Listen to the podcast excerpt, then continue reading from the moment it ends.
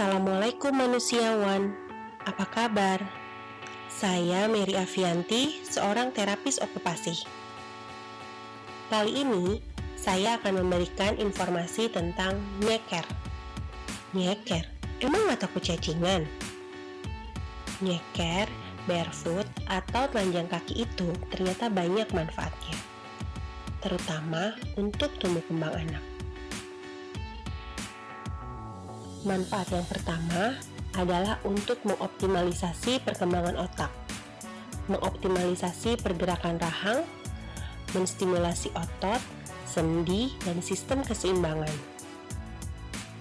Dan dengan aktivitas nyeker, kita juga bisa meningkatkan stabilisasi lutut, melatih cengkraman kaki, menstimulasi 200.000 saraf tepi di telapak kaki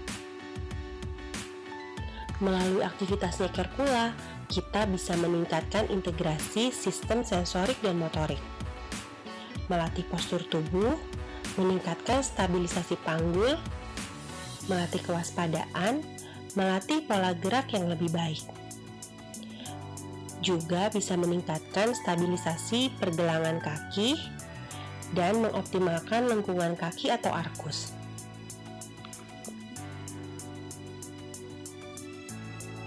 Saat aktivitas nyeker. Saat itu pula sinyal sensori dikirim ke otak.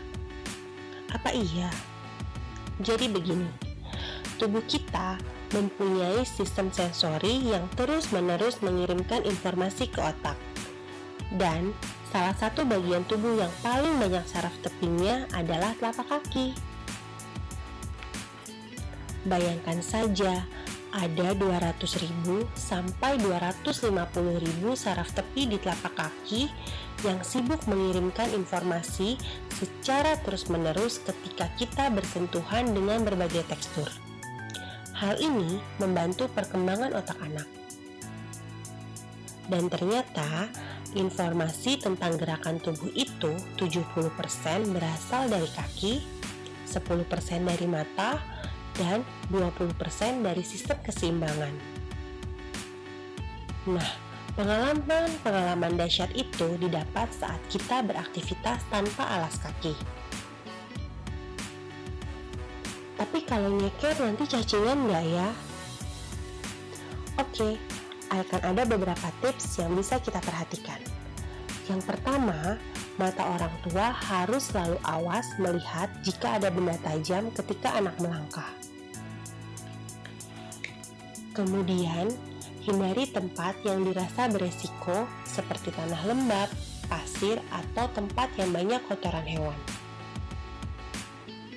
Jangan lupa juga untuk bawa tisu basah, air bersih, sabun dan handuk sebagai pembersih kaki saat anak selesai nyeker. Jika anak menginjak sesuatu dan berdarah, maka bersihkan luka dengan air bersih tenangkan anak dan bergegas cari pertolongan dengan memposisikan luka lebih tinggi daripada badan. Dan yang terakhir, jika anak terinfeksi cacing, maka segera ke dokter untuk mendapat penanganan infeksi seperti or obat oral, salep, dan terapi beku. Biasanya tanpa obat, cacing akan mati 1-2 bulan. Oke manusiawan, sekian informasi tentang nyeker. Semoga bermanfaat. Wassalamualaikum warahmatullahi wabarakatuh.